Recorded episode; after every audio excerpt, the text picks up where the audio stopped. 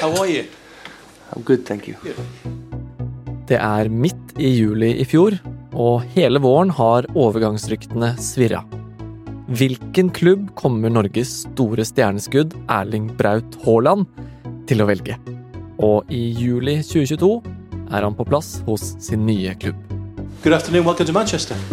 Thank you so much. Manchester City have confirmed they've reached an agreement in principle for the signing of Erling Haaland. Manchester City bekrefter at de er blitt enige med Dortmund om en overgang for Erling Braut Haaland. Men det er ikke alle som er like fornøyde med klubbvalget til Haaland. For Manchester City har lenge blitt anklaget av kritikere for å ha kjøpt seg til suksess, med penger fra Emiratene. Nå har verdens største liga, engelske Premier League, slengt seg på. Og anklager City for å ha brutt over 100 regler. Denne saken handler om enorme pengesummer, anklager om utrolig mange brudd på fotballens regler, og en liga som går til angrep på sin mest suksessrike klubb. Om de blir kjent skyldig, kan City i verste fall bli kastet ut av den ligaen. Men det kan også være et vendepunkt i en lang kamp om fotballens fremtid. Du hører på Forklart fra Aftenposten, og jeg heter David Vekone. I dag er det torsdag 9.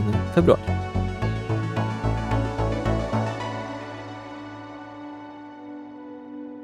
Ved første øyekast kan denne saken virke som eh, en litt teknisk eh, greie med økonomiske regler i fotballen. Men fotballen betyr veldig mye for mange. Det er en eh, viktig sosial møteplass, spesielt i mange lokalsamfunn i England. Og da er spørsmålet om man bare skal la milliardærer og stater misbruke denne kraften og dra sporten gjennom søla, eller om omfattende juks faktisk skal slås ned på. Og hvis det i tillegg viser seg at Manchester Citys suksess de siste ti årene er bygget på en slags løgn, så setter jo det hele troverdigheten til sporten i spill.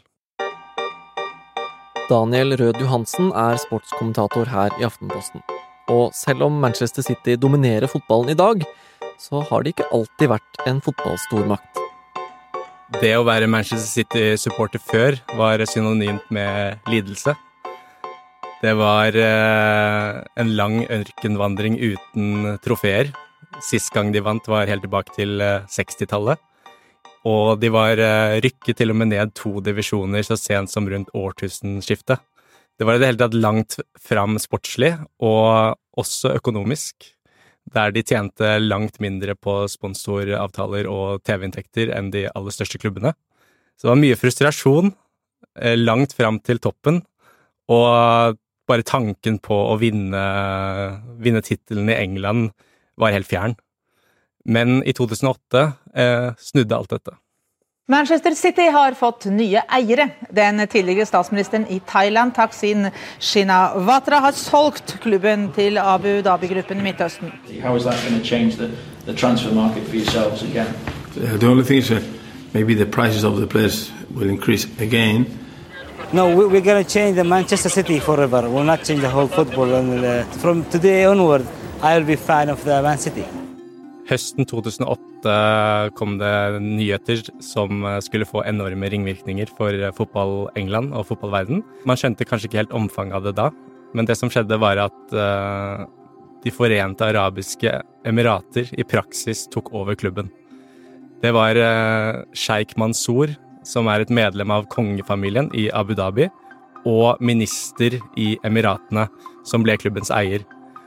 Over natten gikk klubben fra å være en helt middels engelsk fotballklubb til å ha de dypeste lommene i hele fotballverden. Det var bare ett problem, for samtidig var det masse møter i kulissene i fotballverden, og det skulle komme nye regler som skulle gjøre det veldig mye vanskeligere for Manchester City å nå toppen. Hva slags type regler da? Reglene handlet om hvor mye klubbene kan bruke på spillerkjøp og lønninger. Man ønsket å stoppe det man kalte økonomisk doping, som er at en rik eier bare pøser på med milliarder. I stedet kunne man bare bruke det man faktisk tjente på TV-avtaler, sponsoravtaler og inntekter fra tilskuere. Reglene som først ble laget, var det det europeiske fotballforbundet Uefa som sto bak. Etter hvert kom Premier League med lignende regler, og nå anklager de altså Manchester City for å ha brutt reglene over 100 ganger. Altså, ikke som en overdrivelse de har brutt dem sånn 100 ganger, det er faktisk snakk om over 100 regelbrudd. Manchester City er anklaget for å ha tatt noen snarveier til toppen. De er anklaget for å ha blåst opp sponsoravtalene sine, og sånn omgått reglene sånn at de kan bruke mer penger enn det de tjener på dyre spillere. Det er Manchester City uenig i, og deres svar på anklagene kommer vi tilbake til. Men de sier de ser frem til å legge denne saken død. Spørsmålet er bare om de blir fornøyde med utfallet. For selv om lite har skjedd når klubber har blitt anklaget for lignende regelbrudd før, så er det noe som er annerledes denne gangen.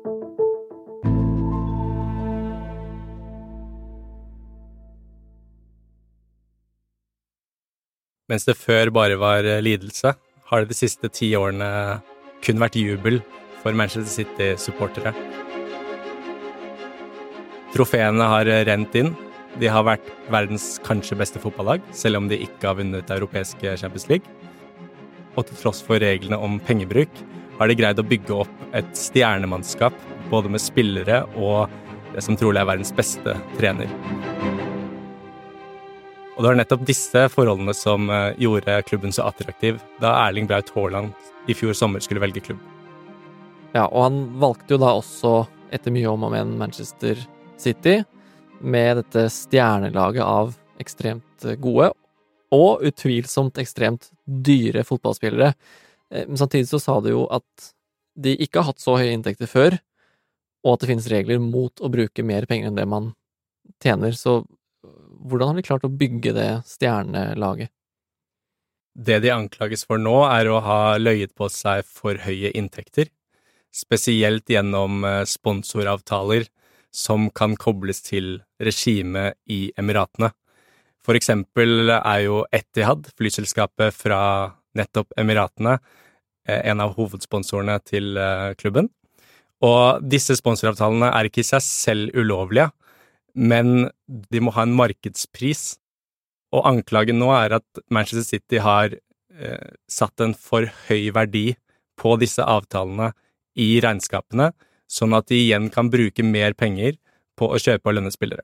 Ok, så de har da angivelig hatt sponsoravtaler som gir dem mer penger enn en annen klubb kanskje ville fått for en lignende sponsoravtale, som da har gjort at de har råd til å kjøpe disse spillerne. Ja, akkurat. Manchester City selv sier de er overrasket over anklagene, spesielt fordi de sier de har bidratt med detaljert informasjon.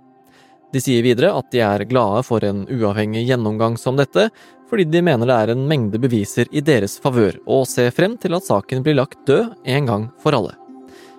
City er ikke den første klubben som blir anklaget for å omgå disse reglene, uten at det har skjedd veldig mye før. Men så, i 2020, kommer konsekvensene av pengebruken for City. I hvert fall nesten. City blir utestengt fra den gjeve turneringen Champions League i to år. Men så blir det ikke sånn likevel. Dommen ble anket til idrettens voldgiftsrett. Det er en slags ankeinstans som gjerne brukes i idretten. Og der ble Manchester City frikjent, men de måtte samtidig betale en bot for ikke å ha samarbeidet med etterforskningen. Men nå er de altså igjen anklaget for å ha brutt reglene for økonomisk fair play. Og denne gangen er det Premier League som står bak anklagene. Nå har ikke City de samme ankemulighetene, og det er ikke den samme begrensningen på hvor langt tilbake i tid etterforskerne kan gå. Så hva slags konsekvenser kan City møte nå? Hvis disse anklagene bevises og City dømmes, så kan konsekvensene bli store. Men eh, det er en veldig variert meny eh, dommerne kan velge fra. Det er alt fra ingenting til advarsler til eh, bøter, som fort kan komme til å svi. Det kan være snakk om veldig mange millioner. De kan få overgangsnekt, altså miste muligheten til å hente spillere i en periode. De kan få poengtrekk, det vil si miste et visst antall poeng i ligaen de spiller i nå. Det skjedde jo nylig med Juventus i Italia, som gjorde at giganten raste ned på tabellen. Og i verste fall, selv om det kanskje ikke er så sannsynlig, kan de bli kastet ut av hele ligaen. I tillegg har altså City vunnet utrolig mange titler det siste tiåret, og noen av dem kan i teorien bli tatt fra dem igjen. Da vil eksempel United eller Liverpool, som har måttet nøye seg med mange andreplasser de siste årene, få gullmedaljene, og på papiret vil det stå at det var de som vant ligaen det året. Men Daniel, det har jo ikke blitt så voldsomme konsekvenser av disse etterforskningene før. Hvor sannsynlig er det at det blir noen denne gangen? Når de kommer med så omfattende anklager, over 100 regelbrudd, så legger de jo hodet på blokka. De må mene at eh, dette kan bevises. Og hvis det da skulle ende med ingenting, så vil jo hele ligaen ha tapt ansikt, og tilliten til eh, reglene vil ha raknet fullstendig. Og bare det øker sannsynligheten for at det vil ende med en straff. Men det er ikke bare et mulig ansiktstap som kan øke sannsynligheten for straff nå. Det er nemlig kraftig press fra flere hold på ligaen om å slå hardt ned på dette en gang for alle. Regjeringen i Storbritannia har blandet seg inn og skal nå utrede om fotballen klarer å passe på seg selv. Hvis det virker som at City slipper billig unna her, så vil det ifølge Daniel øke sjansen for at svaret blir Fotballen kan ikke passe på seg selv. I tillegg pågår det en underliggende maktkamp i hele fotballen. Tidligere kunne jo klubber som eh, Barcelona, Real Madrid, Manchester United, Liverpool og Bayern München gjøre litt som de ville. Det var de som kjøpte de beste spillerne og kjempet om de største trofeene. Chelsea og Manchester City representerte en stor trussel mot dem. Det var litt av bakgrunnen for at de økonomiske reglene kom på plass i første omgang. Det var også en del av bakteppet for uh, Superligaen. Det var storklubbenes plan om å bryte ut i en egen liga, der de bare skulle spille med seg selv. Uh, og en viktig del i det prosjektet skulle være pengebruk og regler rundt dette. Superligaen døde etter bare 48 timer. Det ble en stor uh, flopp. Men hvis du spør Manchester City om uh, disse reglene, så vil jo de svare at de kun ble laget for å stoppe dem. Så regelbrudd eller ikke, det at City har klart å klatre fra et helt middelmådig OK pluss-lag, har mye med hvem som eier dem å gjøre. De er ikke bare på andreplass i ligaen akkurat nå, med en haug med seriegull bak seg. De er også en av de rikeste klubbene i verden, og har et stjernespekka lag med en norsk superspiss som slår alle rekorder hele tiden. Så hvis de blir funnet skyldige i disse regelbruddene, blir alt det borte? Hvis Manchester City blir dømt, vil det treffe klubben hardt. Det kan svekke statusen blant uh, potensielle nye spillere og trenere. Samtidig så er det jo nå en gigantklubb, da. Og selv om de har kommet dit på uærlig vis, så vil de fortsatt uh, dra nytte av det. Nå som de har kommet uh, på dette nivået, så tjener de faktisk mye penger gjennom TV-avtaler, sponsorer og de tradisjonelle inntektskildene som de andre storklubbene gjør. Ok, men uh, utfallet av den saken her, da, kommer det til å ha noe å si for fotballen som helhet, eller er det bare Manchester City som, som er avhengig av det her nå? Dypest sett er det en kamp om fotballens fremtid. Man har jo sett en utvikling der tidligere var det rike lokale forretningsmenn som eide klubber. Så kom russiske oligarker, og til slutt har vi sett at stater har kommet inn og tatt over engelske klubber. Og det har jo vært en utvikling som har virket umulig å snu. Det har virket som disse klubbene og disse regimene bare kan holde på som de vil og dra fotballen gjennom søla. Men hvis Manchester City faktisk blir straffet, kan de i hvert fall bremse den utviklingen.